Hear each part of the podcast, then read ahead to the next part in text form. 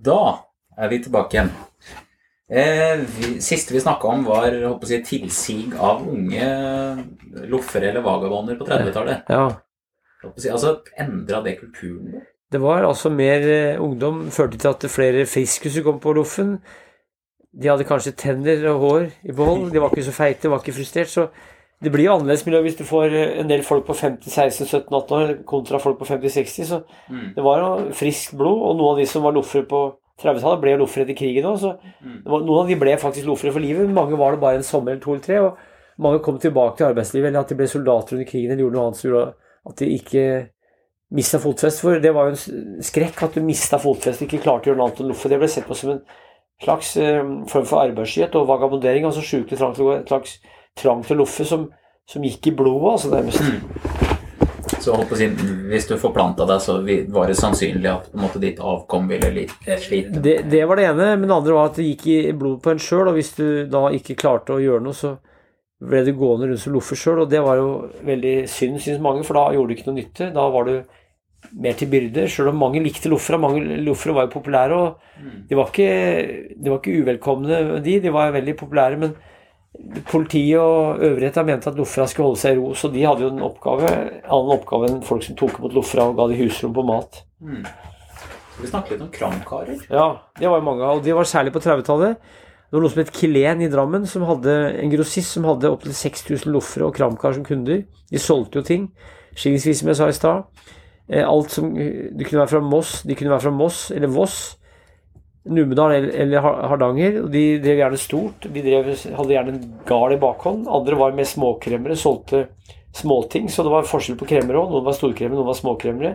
Storkremmere hadde gjerne plassert ting rundt i bygdene, så de hadde lager og depoter. Eh, Veldig store, tunge sekker eller skrepper, mens småkremmere hadde lettere lass og levde mer fra hånd til munn.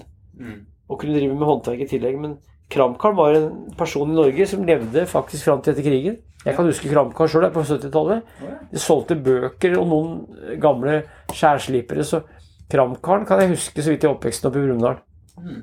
Kom på døra og solgte ting. Husker du nå hvordan det besøket foregikk? Ja, det var jo det som var spesielt da, var at det var jo det som vi kaller negere, altså fra Afrika. Og de, de solgte jo bøker, faktisk, som de hadde fått fra Norsk Uhjelp, tror jeg, så det var en slags form for uhjelp. Men jeg har også sett eh, kramkarer i Oslo på 80-tallet. Men nå 70-tallet, det var folk som solgte Det fins jo varianter i dag som selger spekepølse og fisk, altså, men det er noe annet. For det her var folk som, det er sikkert det er folk som gikk rundt, altså, som ikke hadde bil. Noen hadde tralle, noen hadde en spark om vinteren, noen hadde en vogn som vi dro, jul, julevogn. Mm. Men de jeg tenker på, kjørte ikke bil, de var eh, gående, altså. Det var jo noe som døde på 60- og 70-tallet, egentlig, Ja. i Norge. Mm. Skal vi, skal vi snakke om noen spesifikke personer? Ja, Oskar Dahm, eksempel. Ja. Han var jo tvekjønna. Alkoholisert. Han gikk med kåpe og hadde lys stemme. Og sannsynligvis i dag vært eh, transe eller tvekjønna. Han var altså mann i kvinnekropp, eller motsatt. da. Mm. Og han eh, drakk seg på Årnes. Han var alkoholiker. Kunne være ganske skrov i kjeften, vet jeg. Ja. Like før krigen så døde han av koldbrann, tror jeg, på Årnes. ja. Sånn som jeg hørte. Eller så, eller så er det på en måte den dynamiske duoen Tjukken og Dama. Ja, Tjukken var jo glad i mat, og dama lagde mat, og de var homofile. Så Ja. de var fra Vålerenga, ble sagt. Og de reiste rundt på Østlandet, særlig før krigen. Og eh, dama lagde mye flesk, og Tjukken spiste det, så de var et kjent par, Tjukken og dama. Et homsepar som levde sammen i mange år, Mm. mens det var forbudt. Så de levde altså sikkert kanskje sånn fordi det var forbudt å være homo.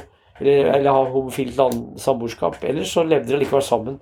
Ja. Og, hadde, og det var nok flere loffere som levde på den måten, men det de var ikke alltid kjent. Nei. Det kunne være skjulte homofile forhold som var som skyldtes altså langvarig samgåerskap, altså ikke boerskap, men sam, samboer. De gikk Nei. sammen i årevis og var kanskje kjærester Ja. uten at folk visste om det. Har du vel nevnt Bukken og Geita også?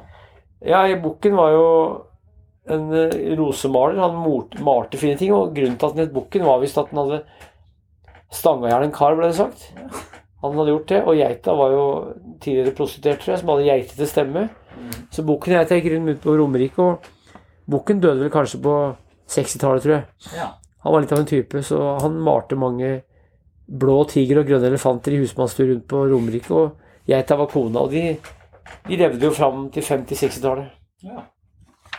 Så tenkte jeg på en omstreifer Larsen. Ja, Henrik Larsen, ja. Ja. Født i 1893.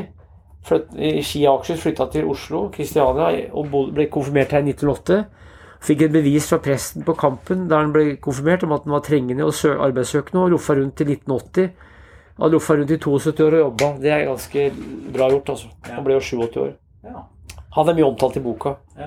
altså, var det normalt å bli så gammel? Nei, det var uvanlig. De eldste loffa jeg hører om, ble over 100 år, men de fleste ble jo ikke så gamle. Men det er, det er noen som ble 90 år, og noen som ble 80 år. Men eh, han ble altså 87 år og, og jobba og loffa rundt fra 1908 fram til 1980. Det er ganske spesielt. altså. Ja. Eller så var det en Anton M. Emil Berg. Ja, Også nevnte han var akrobat og tryllekunstner. ja. ja han typen der, ja. Ja. Han var på 30-tallet, var det ikke det? Jo, noe sånt. Ja. ja. for det var noen som var tryllekunstnere og akrobater, og noen var gode historiefortellere. De solgte egne fortellinger, eller ikke fortelle fortellinger, og, og få mat av det. Men det var, det var altså noen som var akrobater og tryllekunstnere og hadde show, eller noen var lirekassespillere, da var det lirekassespillere. Noen hadde Noen sjonglerte, vet vi. Og noen var eh, sagfiler i slipte sakser og kniver. Så det var, det var mye rart som gikk etter landeveien, og noen var loffere, mens andre hadde kanskje status som lirekassespillere eller akrobater og, og var på loffen, men hadde ikke status som loffere. Ja. Mm, Altså, jeg tenkte på kriminalitet blant loffere, si, annet enn at de ble tatt for løsgjengerloven. Var det noe annet Det, det var nok en del småkriminalitet, og det var veldig forskjellig. Noen var veldig kriminelle, andre gjorde aldri noe gærent. og Noen mente at hvis du sang f.eks. sju underbukser per snor, kunne du ta ei snor, eller kunne ta en underbukse. Ja. Eller hvis du kunne gikk forbi et potetåker, kunne du ta noe poteter i, så noen epler og grønnsaker, så Det var nok noen som hadde litt spesiell oppfatning av loven, men jevnt over så fikk de gjerne mat uten å spørre, eller de spurte da, uten uten å tigge. Så fikk de så De fleste tror jeg ikke stjal, men det var eh, det var et samfunn som var fattig, og i fattige samfunn så er det ofte folk veldig sjenerøse og rause. Så, så de, de, de skodde seg på at folk var fattige, for da ga de av det lille de hadde. Ja. Det er interessant. Ja. Eh, Jeg holdt på å si mest kjente kalde kriminelle må være Rottenik. Rolf Erling Knutsen er født i 1912, var det ikke det? Ja, han var jo I 1944 ble han etterlyst for mord. Han hadde ikke begått det mordet, det viser seg senere, men han ble satt på botsfengselet. Ble plassert på Oppstad tvangsarbeid på Jæren, rømte derfra, lå i møkkskjæren og pustet med strå mens bruken og bikkjene løp utafor, og ble sendt til Reitgjerdet. Tvangsinnlagt der, og der var han i ti år. Rømte i mars 1955. Det var en stor, landsomfattende leting etter han, og han eh, ble tatt og ble benåda for det mordet og frigitt og gikk på loffen fra 1955 og resten av livet. Han døde i 75, bodde på en gard som heter i Botn i Vestfold og hadde base der loffa mye rundt på Østlandet og var i Trøndelag òg. Men Rolf Hein Knutsen og det var filmen 'Den forsvunne pølsemaker' som Leif Juster spilte under krigen, og da var det 'Pølsemaker, pølsemaker, hvor du deg?' Mm. Eh, Rottningen, Rottingen, hvor gjort det deg? Han var en slags negativ kjendis. Det var ikke noe gærent med ham, men han var kanskje en lystløgner. Ja. Men han var en, eh, en harmløs type som fikk et negativt stempel, og som ble kjendis på en negativ måte. Mm. Ja, ja, for jeg husker på en måte altså, Mamma snakka liksom om at hun var Ja. redd for Rottenikk. Ja, ja. Mm, kan tenke meg det. Ja. Mm. Så det. Eh, Loffeslaffer. Ja, det var steder på skysstasjoner eller andre steder hvor loffa kunne sove. Altså da de tyske sto slafen og sove. Mm. Kunne være eget rom eller egen stue på, loffer, på skysstasjonen.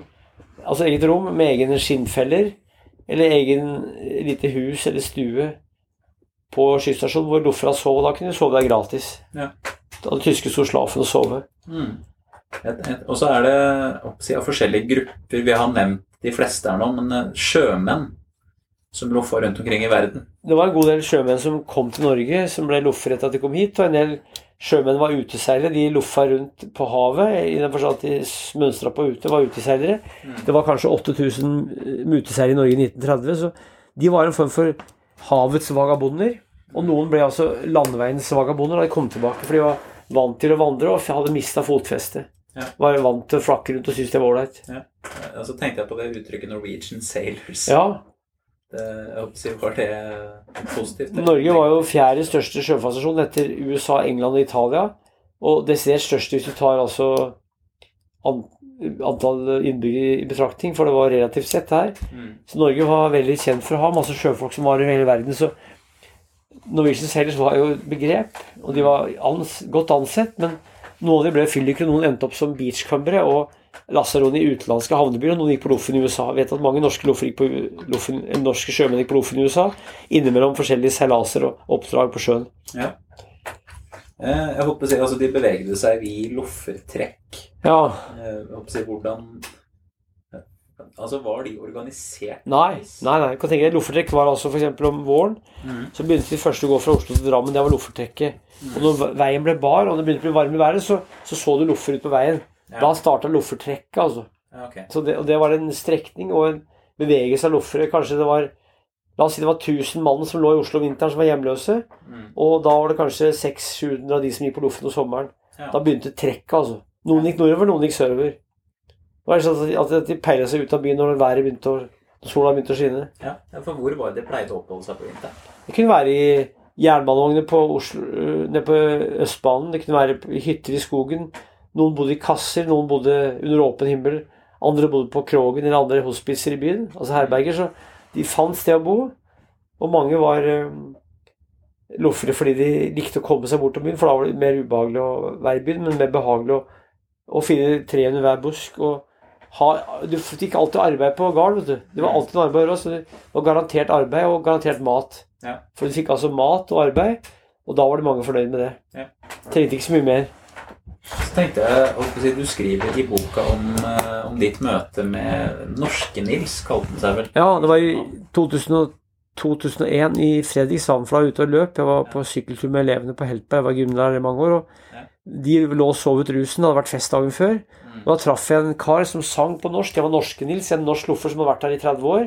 Jeg er alkoholpolitisk flyktning, sa han. Har vært der, og han var i 60-åra. Ja. Og han var skjærsliper. Han hadde et apparat hvor han satt og tråkka, og så slipte han sakser og kniver. Så han var en ekte loffer. og Det var flere norske loffere, sa han, og der var det egen, egen avis for loffere og egen kåring av årets loffer på Egerskov marked. Så da fantes altså minst, en nordmann, minst fire nordmenn på loffen i Danmark, sa han, i 2001. Ja. Men jeg vet ikke om, de, jeg vet ikke om han lever i dag, altså. Han var jo ja, men I så fall er han kanskje 85 år i dag. Ja. Minst. Jeg holdt på å si han herja ut da. Han hadde en, eh, husker jeg, en sånn kul i nakken. Oh, ja. Og den, eh, den ville han ikke ta bort. Den ville ikke gå til sykehuset eller på legen sin. Så han så vel litt forfylla ut og var, var fyllik, men eh, han var kvikk i replikken og var fra Vestlandet og prata artig. Og han, var, han traff jeg to ganger på samme dag borti Fredrikshavn i 2001. Ja. Artig kar. ja. ja det, altså, det høres ut som en hyggelig kar, egentlig. Ja, ja. Det er ofte sånn. Altså, Ja, ja. Måte, hvis du, hvis du bare, altså, de ser ofte skremmende ut i, si, fra avstand, men på en måte, når du først har deg tid til å prate med dem, så er de som regel ålreite. ja, ja. Bra karer, altså. Bra Ja. karer. Har jeg glemt noe på den sida her? står mer i boka om Loffen. Det er jo en bok som inneholder mye stoff. Og Ja. mange typer. Det er det. Det- Jeg har ikke skrevet ned alle, du. har. Nei, nei. Umulig å få med alt. Ja. Eh, jeg tenkte på si, ehm, Mange av de blei jo sett på som litt sånn fritenkere og filosofer. Ja. Eh, så jeg tror du de dro på loffen fordi de var litt fritenkende og filosofer, eller blei du sånn av loffe? Det var nok en kombinasjon for at det mange som ikke passa inn i samfunnet, følte en dragning mot landeveien. Ja. Og hvis du lå under et tre, eller lå på, på en låve, eller lå under åpen himmel og tygde på et strå så skyene suste forbi, så ble det jo ikke filosof, men filosof. Mm. Og mange var mye ute, og når det er mye ute, så, så får du store tanker. Så det var nok en kombinasjon. Og mange av loffere hadde en slags indre uro, og en slags indre ro kanskje i tillegg, for at de, de orka ikke å ha et vanlig liv. Men de, Mm. men de hadde en slags kontakt med naturen og med omgivelsene og med årssyklusen som du ikke fikk hvis du bodde fast. Så det kunne være en innsikt som de fikk etter hvert, som gjorde at de fortsatte å leve sånn, så hadde de et annet liv som de tross alt var fornøyd med, selv om de var kanskje fattigst utafra. Mm. Ja, eller så er det jo opposite. De hadde jo mer tid til å tenke enn kall det gjennomsnittsnordmann. Mange av de var uten unger, hadde ikke noe kone, så de hadde mye tid og hadde kanskje ikke så mye fast jobb, eller jobb som beslagla tida. Så de hadde mulighet til å tenke, og mange leste jo. Mm. Så det var en måte å leve på det, og som var akseptert av de, og for så vidt av omgivelsene. For mange syntes det var ålreit med loffere, mange likte loffere. Det var mest politiet som var negativt til for de mente at det var en straffbar handling. Ja. Ofte. Var det noen som skrev noe særlig? Annet enn selvfølgelig Anders Melum, da? Nei, altså han Henrik Larsen, Omsteifer Larsen prøvde å skrive livshistorien sin, men han kasta det hver gang. Så det er veldig få som har skrevet bøker om loffere. Men Det finnes en bok som heter My Life as a Supertramp. Det er en engelsk loffer, og han har tatt uh, Gruppa Supertramp har tatt navnet etter den boka. Jeg har den boka oppe. Ja. Kjøpte den i England for to uker siden. Ja. Så det var nok mer utenlandske loffere som skrev, men Mm. ikke så mye norske. Og en som heter Asbjørn Elden skrev boka Rundt neste sving, Mm. som handler om loffere på 30-tallet. Det var han sjøl, blant annet. Den kom i 80-åra, og han skrev boka for å minne sin egen tid som ung vagabond på 30-tallet. Ja. Jeg kan jo si eh, Jack London. Han skrev boka 'Landssykkellivet'. Den kom på norsk i 1904. Boka 'Road' det er oversatt til norsk. Det handler om togloffere.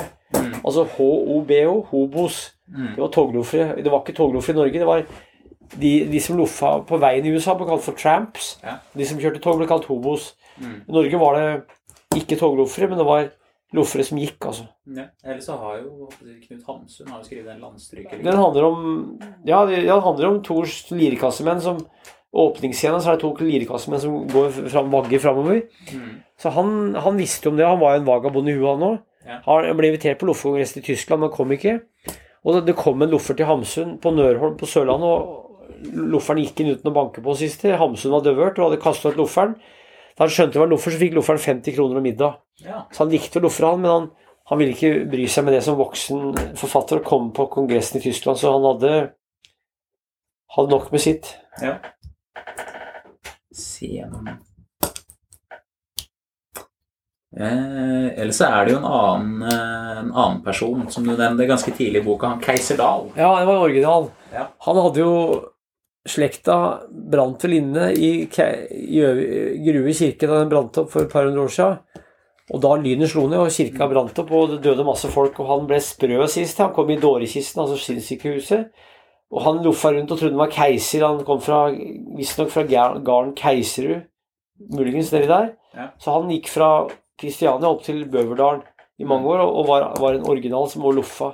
En original var en person som skilte seg ut. Det var mange originaler som gikk innenfor én bygd, eller mange originaler holdt seg i ro, men han gikk altså på loffen, så noen var loffere og originaler samtidig. Så veit du om det er noe særlig loffer i dag i det hele tatt? I Norge er det ikke mange, altså. Jeg har sett noen eh, Det er en tysker som heter Walter eller Werner som går her, tror jeg. Okay. Og så er det kanskje noen dansker, men jeg tror ikke det er mange som loffer på heltid. Om det er noen i det hele tatt i Norge. Men det fins rundt i Danmark finnes noen, i Sverige finnes noen. Og det finnes sikkert i Norge òg, men, men det, det, er, det er få, og du ser ikke så ofte. Nei. Det finnes noen pilegrimer som går rundt, og de er jo ikke loffere, men de går gamle pilegrimsveier. Jeg traff en australsk dame i 2021 som loffe skulle gå til Hammerfest. Jeg har ikke hørt noe fra men hun skulle gå til Hammerfest, og det var jo ikke loffer, altså, men hun var jo på loffen. Mm. Egentlig pilegrimsleden er jo en slags eh, vandringsrute som mange tar i dag. Ja, for, kan du si at noe av loffekulturen begynte litt der også, blant pilegrimer? Det kan du si, det å gå, men det var jo en botsøvelse. Så det var jo ikke basert på moro, bare. Mer på frelse og få rense sjela si og komme fram til et mål. Mm. Så det var en slags eh, flytende overgang til loffing. Men loffing var jo òg en måte å ernære seg på og leve på. Så du gikk altså rundt og fikk jobb der du stoppa, og kunne leve uten å ha et fast bosted, uten å ha betale på en bolig, men være frikar. Så det var en slags blanding av arbeidsliv og eventyrlyst, tror jeg, for mange. Eh, og så var det noen Du sier at det var flest menn. Ja. Du sier, var det noen særlig kvinner? som- Det var noen damer, men få damer som gikk alene. En som het Signe Studenten, som hadde fått unger ut av ekteskap. Datter av en prest. Og de fleste damer som gikk, de gikk sammen kar. Okay. Og Lofferpar var vanligere enn uh, enslige kvinner, og det er ikke mange damer som gikk alene. Og de ble ofte sett på som originaler i tillegg. Og det var nok en del damer som var originaler i sin bygd, men få damer gikk på loffen langt. Det var veldig spesielt. Okay. Det var et røft liv altså, for damer, og de, Ja. de hadde lettere for å slå seg til og ville ikke skille seg ut på den måten her. Det var jo en del unger som ble erta og loffer ofte, som var, hvis de så litt shabby og litt gamle og skrøpelige ut, så det var litt flaut for mange å være på loffen, men mange gjorde det for det. Se, har jeg noe mer lurt her? Jo! Andre verdenskrig? Ja, da var det forbudt å loffe. Okay. Tyskland kom, og hvis det var 10 000 loffer i 1935, så var det kanskje et par tusen i 46, for loffing ble forbudt under krigen. Mange loffere begynte med arbeidstjeneste, tvangsarbeid, ja. og mange slutta med krigen.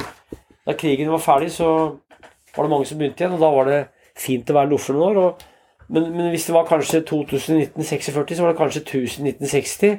Mm. Og muligens 170. Så det skjedde noe. Gerhardsen tok over makta i Norge. Ap styrte velferdsstaten. Ja. Folketrygden kom i 67. Så det var noe med at flere fikk penger, flere fikk trygder. Og da døde de eldre Lofra døde naturlig, og det var lite nyrekruttering. Ikke noe særlig damer etter krigen, så Lofferstanden ble eldre for hvert år.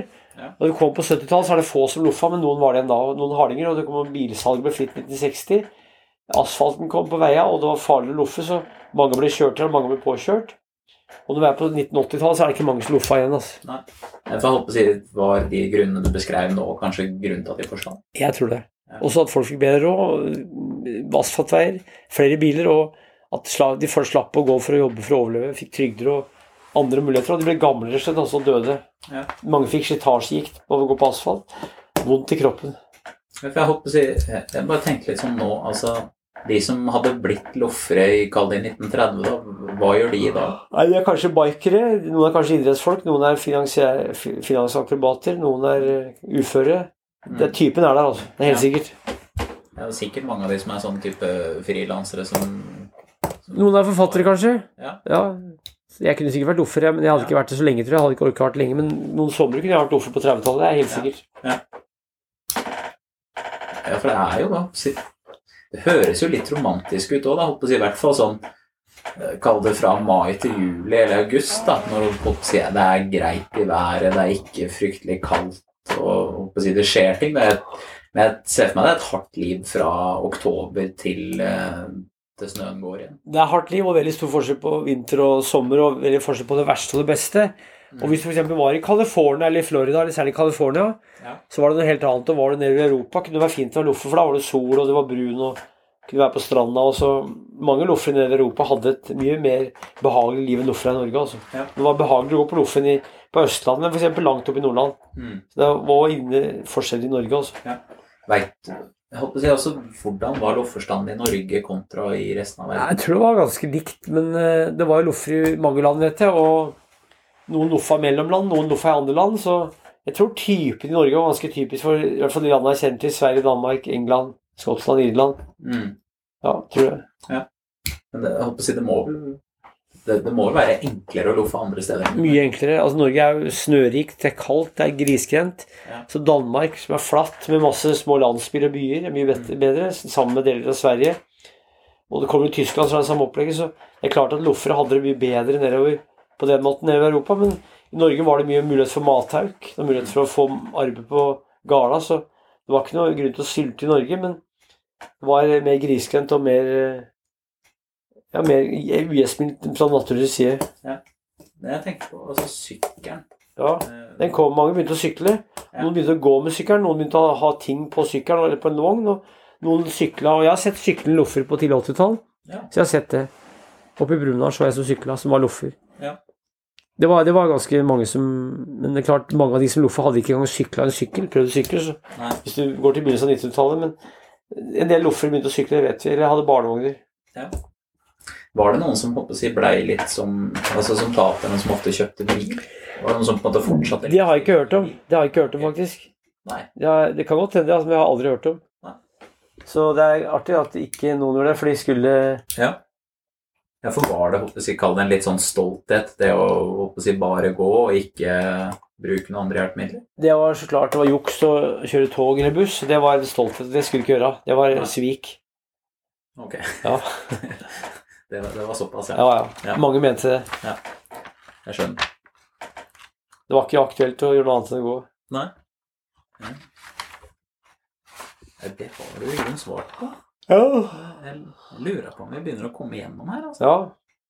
Det er fint hvis du gjør det. Ja, nei, det er en siste ting. Ja. Altså, Hvorfor blei man doffer? Jeg regner med det var mange forskjellige grunner til det. Det kunne være at de hadde vært i militæret, så var det ikke noe, ikke noe jobb å få. Du kunne være arbeidsløs.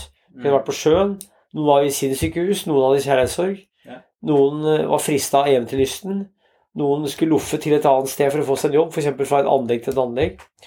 Noen var rett og slett eh, lei av å være hjemme, noen skulle stikke av, noen ville rømme. Så det var kanskje en 10-20 grunner minst for å loffe. Altså. Ja. Og mange hadde penger med seg, noen hadde ingenting med seg. Andre var flaue over å tigge, andre var, syntes det var greit, og noen tagg aldri, og noen tagg hver eneste dag, og noen jobba, noen jobba ikke i det hele tatt. Så det var masse varianter innenfor loffestanden. Altså. Så jeg håper Du hadde et fint sitat i, eh, i den rekommanderte Kristoffer Schou. Med Så det var en som lukta noe, noe bakverk, og så spurte om han kunne få noe. Å ja, han, ja. Ja. Eh, Bjarne Madsen som loffa på Toten, og han spurte Gikk gjennom Raufoss en dag, og der lukta det godt nybakt brød hos bakeren. Og jeg er så sulten, sa han, kan jeg få noe nybakt brød?